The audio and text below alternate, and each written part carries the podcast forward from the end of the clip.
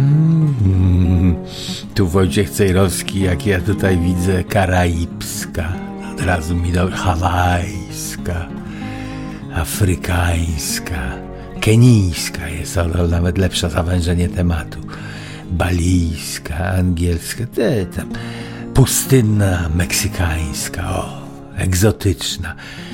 Cejrowski.com łamane przez herbata.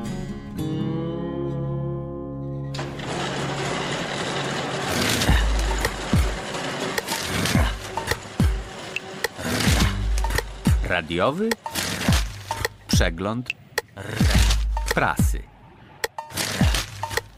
Komentują Wojciech Cejrowski i Andrzej Rudnik. Dzień dobry panie Wojciechu. Dzień dobry panie Andrzeju. W poprzednim odcinku naszej rozmowy mówiliśmy troszeczkę o radiu, telewizji, cenzurze i tak dalej, i tak dalej, z tym związanych sprawach, a teraz taka kwestia, o której już kiedyś mówiliśmy, ale w innym ujęciu, proszę pana. Kierowcy muszą rejestrować odbiorniki radiowe. Poczta Polska przypomina części kierowców, którzy nie zarejestrowali radia samochodowego, że mogą ponieść tego konsekwencje. Prawo nakłada na nich taki obowiązek. Obliguje do rejestracji radioodbiornika lub telewizora, opłacenia abonamentu przez jego właściciela bez rozróżniania, czy urządzenie znajduje się w domu, czy na przykład w samochodzie. Ileż tutaj jest picuringu to się w głowie nie mieści, proszę pana. Bo kto panu sprawdzi, czy używa pan odbiornika radiowego w samochodzie? A nie musi pan używać, bo oni No wpisali do ustawy, że jak No pan właśnie. ma w domu radio, którego pan nigdy nie słucha, bo pan mieszka za granicą w Arizonie przez pół roku i pan nie ma nawet możliwości posłuchania tego radia, to fakt posiadania odbiornika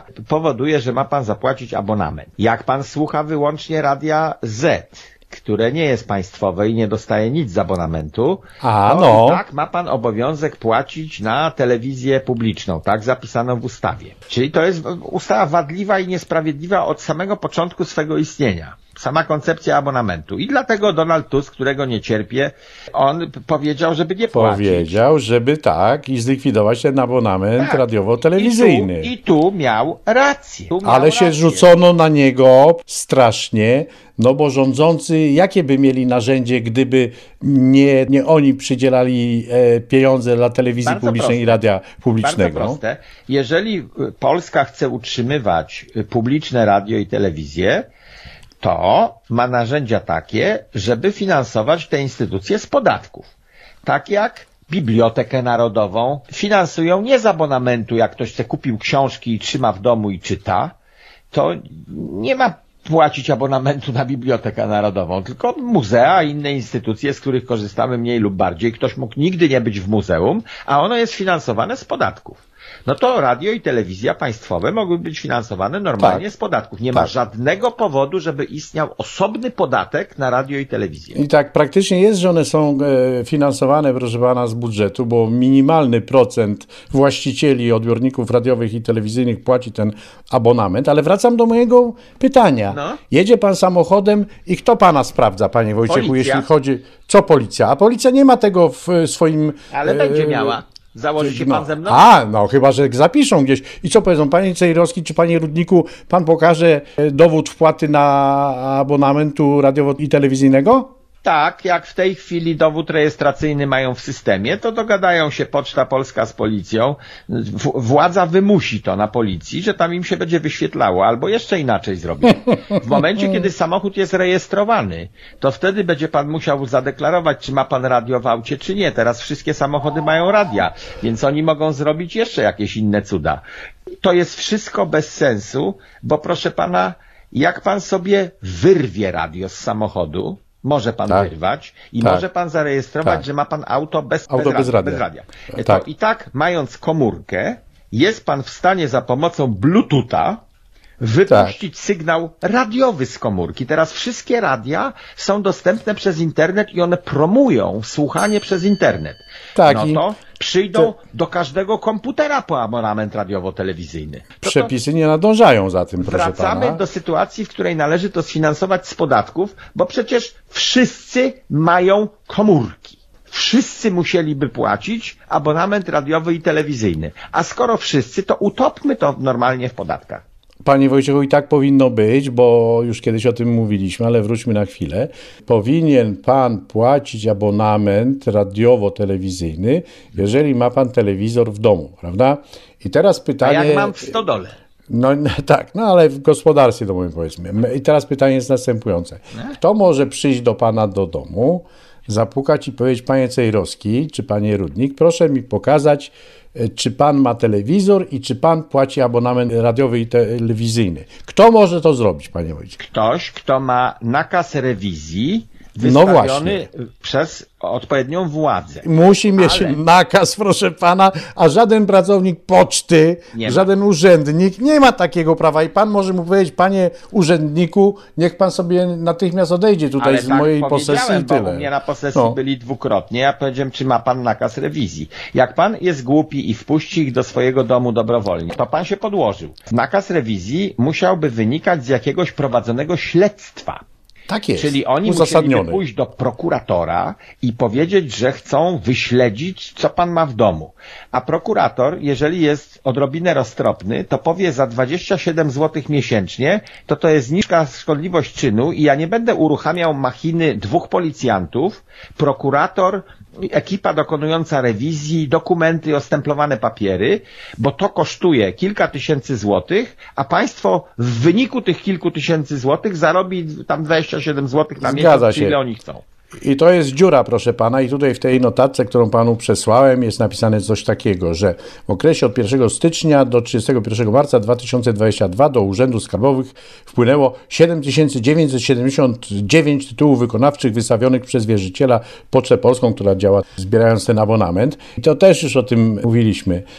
Na straconej pozycji są ludzie, którzy kiedyś zarejestrowali odbiorniki radiowe dawno, dawno temu, znaleźli gdzieś tam się w rejestrze, mieli takie książeczki, e, w których były kwitki do płacenia tego abonamentu radiowo-telewizyjnego, czyli przede wszystkim starsi ludzie. I jak taki człowiek przestał płacić abonament telewizyjny, to on jest w tej ewidencji i jego chapnęli i on jest wśród tych 7979 tytułów wykonawczych. A ten, kto nie zarejestrował, jest wolny jak ptak. Tak, No. ale te osoby z książeczkami mogą też wyrejestrować odbiornik. A no tak, tylko Idzie się jest... na pocztę, składa się kwitek, wyrejestrowuje Ja, odbiornik. a dlaczego pan e, chce wyrejestrować?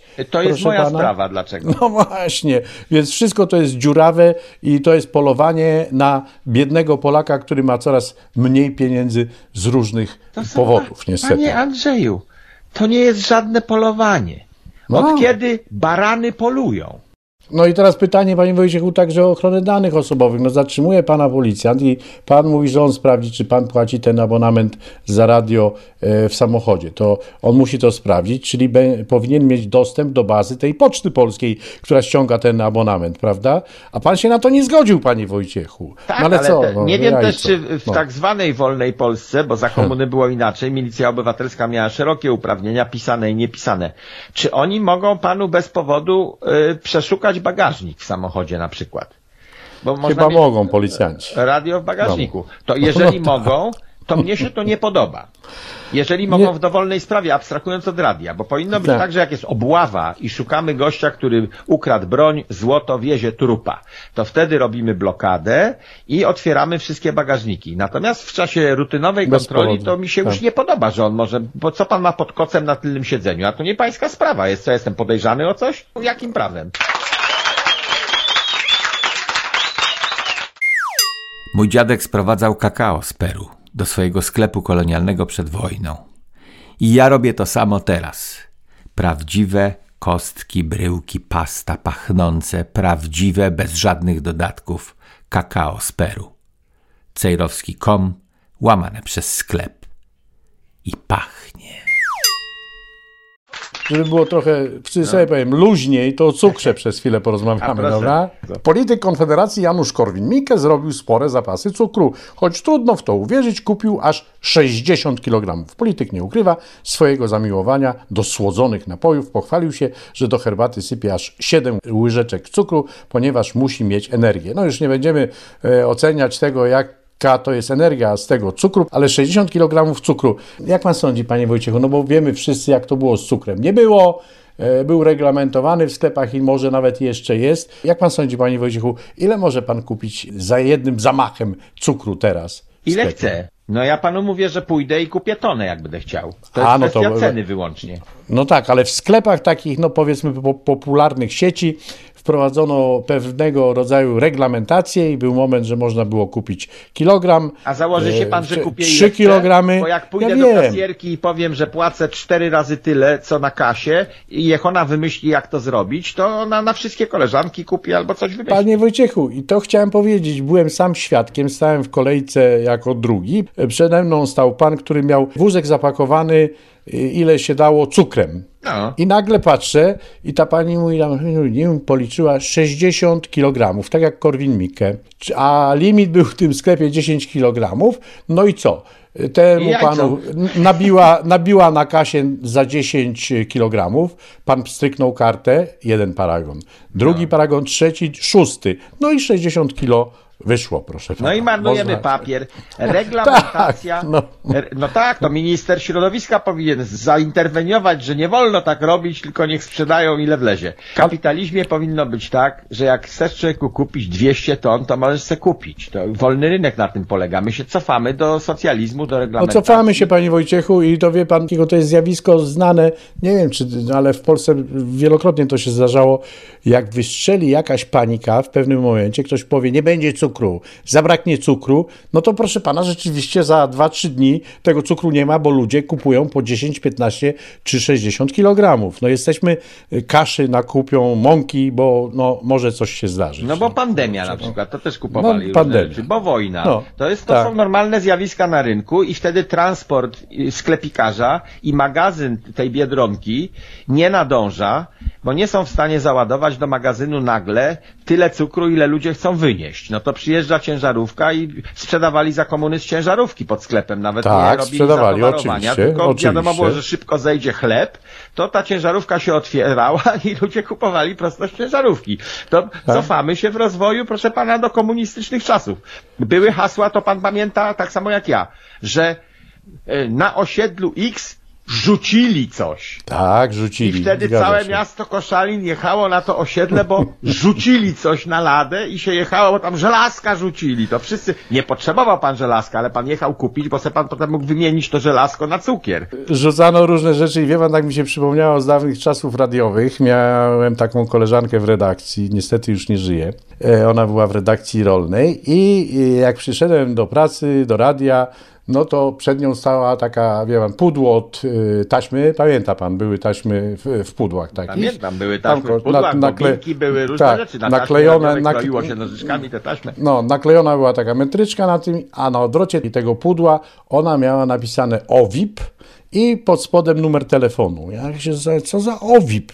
Co to jest? A ona mówi do mnie, przeczytaj od tyłu. No to ja czytam, OWIP to jest piwo, proszę pana. No to dzwoń do tego sklepu i spytaj się, gdzie dzisiaj rzucą piwo, to jeżeli chodzi o rzucanie. I jako najmłodszy w redakcji grzałem. To był OWIP, a dzisiaj trzeba byłoby się dowiadywać, gdzie jest cukier. No. No ale dobrze, panie Wojciechu, teraz o, taka trochę weselsza sprawa była, a teraz smutniejsza. No. Czynsze wyższe o 400%. Ludzie przestaną, cytuję, ludzie przestaną płacić, bo nie będzie ich stać. Tak.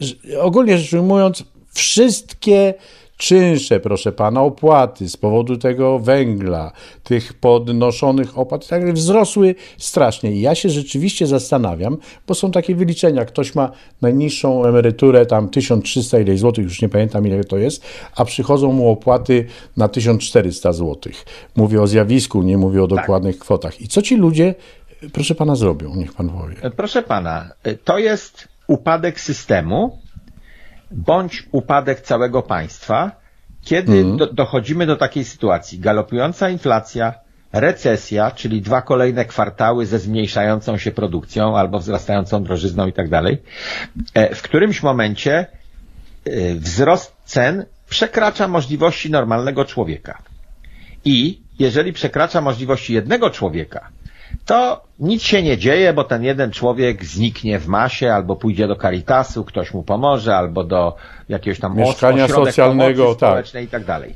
Natomiast kiedy to się robi zjawisko masowe, no to jeżeli wszyscy w bloku albo większość w bloku nie są w stanie zapłacić czynszu, to wszyscy przestają płacić. I wtedy problem leży po stronie tego bloku, czy spółdzielni Czyli- mieszkaniowej, która idzie do władzy wyższej i mówi, my nie jesteśmy w stanie zapewnić prądu, bo nikt nie płaci za prąd, za wodę i za inne rzeczy, bo nie jest w stanie zapłacić. I to jest wtedy upadek systemu. Państwo No tak. musi to udźwignąć i albo sobie z tym poradzi, albo padnie na pysk. Czyli, panie Albo Wojciechu, bomba- społeczne No właśnie to chciałem skalę. powiedzieć. Bomba tyka, proszę pana, bomba tyka. Bo jeżeli tak jak pan mówi, no y, są takie przypadki, że jest y, na przykład taki blok na osiedlu po PGR-owskim. Tak. Jeden, drugi, trzeci blok i jest y, człowiek, który ileś tam lat temu, jak PGR-y padły, kupił kotłownię, która daje ciepłą wodę i ogrzewa mieszkania w tych blokach. I ten człowiek, który jest właścicielem tej kotłowni, przestaje grzać, bo mówi, że ludzie przestają mu płacić i on zbankrutuje. I facet ma rację. Przecież nie, nie zmuszą go do za darmo ogrzewania tych mieszkań, prawda? On się w którymś momencie podda. Gdyby przyszli do niego z kłonicami, to on powie, to jest zły adres. Ja nie, nie mam za co kupić węgla, przestałem palić, poddałem się. Nie grzeję, bo nie mam czym. Ci ludzie no, mo mogą go pobić, albo mogą się z nim zjednoczyć i powiedzieć rzeczywiście, no, no tak, no, przyszliśmy do ciebie, ale to jest zły adres. To możemy coś pozytywnego powiedzieć, jeśli o to chodzi, bo ja nie widzę czegoś takiego i to rzeczywiście czarno trzeba widzieć to, co dziać się będzie już za 2, 3, 4, 5 miesięcy, jak zima przyjdzie. No nie chcę tu siać jakiejś paniki, ale rzeczywiście ludzie nie będą mieli za co żyć i za co płacić za prąd, za gaz, za inne tam media, a także dobra, że tak to nazwę. Jedynym powodem istnienia rządu, jakiegokolwiek, jest radzenie sobie z takimi zjawiskami. Dobry rząd zapobiega i nie dopuszcza. Rozkręca gospodarkę, zawczasu widzi problem nadchodzący i radzi z nim sobie jakoś tak, rzuca węgiel, uruchamia kopalnie, pozwala ludziom na więcej, mówi, dobra, idźcie do lasów państwowych, zbierajcie szyszki, róbcie co chcecie, nie będziemy was za to kasować, bo jest obiektywny problem, katastrofa się zrobiła. Albo Elektrownia na razie niech chodzi, wyłączamy liczniki elektryczne, niech się ludzie grzeją czym Tak. mogą, no bo jest sytuacja, no tak jak początek II wojny światowej, no w którymś momencie radź sobie człowieku sam, a władza przestaje cię karać za rzeczy, które normalnie byłyby karane. No tak można było zrobić, panie Wojciechu, ja też tak myślałem. Państwo no, za darmo daje tę energię, bo jest sytuacja krytyczna. Ale państwo robi co innego, proszę pana. Przy takiej inflacji szalejącej, rosnącej, tam 15 z kawałkiem i planują, że, znaczy planują, przewidują niektórzy, że będzie o wiele więcej. Co robi? Dorzuca pieniędzy, yy, dając dodatki do węgla 3000 i planując tam do peletów, czy jak to się nazywa, wiem, to prowadzi innych, innych i tak dalej. No to przecież ta inf- pieniędzy prowadzi no, do katastrofy, to jak ktoś zbiera stare, w Koszalinie na pewno są jakieś poniemieckie antykwariaty z różnymi rzeczami. Tam można banknoty zobaczyć, gdzie było 100 Tak. tysięcy marek na jednym banknocie, milion marek na jednym banknocie. Był taki czas wielkiego kryzysu w Europie i teraz nadchodzi kolejny taki czas, gdzie będzie zer bez końca na banknotach. I władza se może drukować ile chce, a to jest tylko papier. Kiedyś tu w naszej audycji padało hasło Cejrowski na premiera, czy już nie mówię na prezydenta. A ja To nigdy, nigdy. No, a pan nigdy, ale panie premierze Cejrowski, co pan byś zrobił, jak to się mówi na wsi w takiej sytuacji? Ja bym wielu rzeczy nie zrobił już dawno temu. To, to pierwsza rzecz. No na przykład nie ustanowiłbym 500 plus. Nie tędy droga. No. Zlikwidowałbym po 89 roku państwowy system emerytalny, tylko bym powiedział, ubezpieczajcie się tak jak samochody. Każdy sobie szuka swojej ubezpieczalni.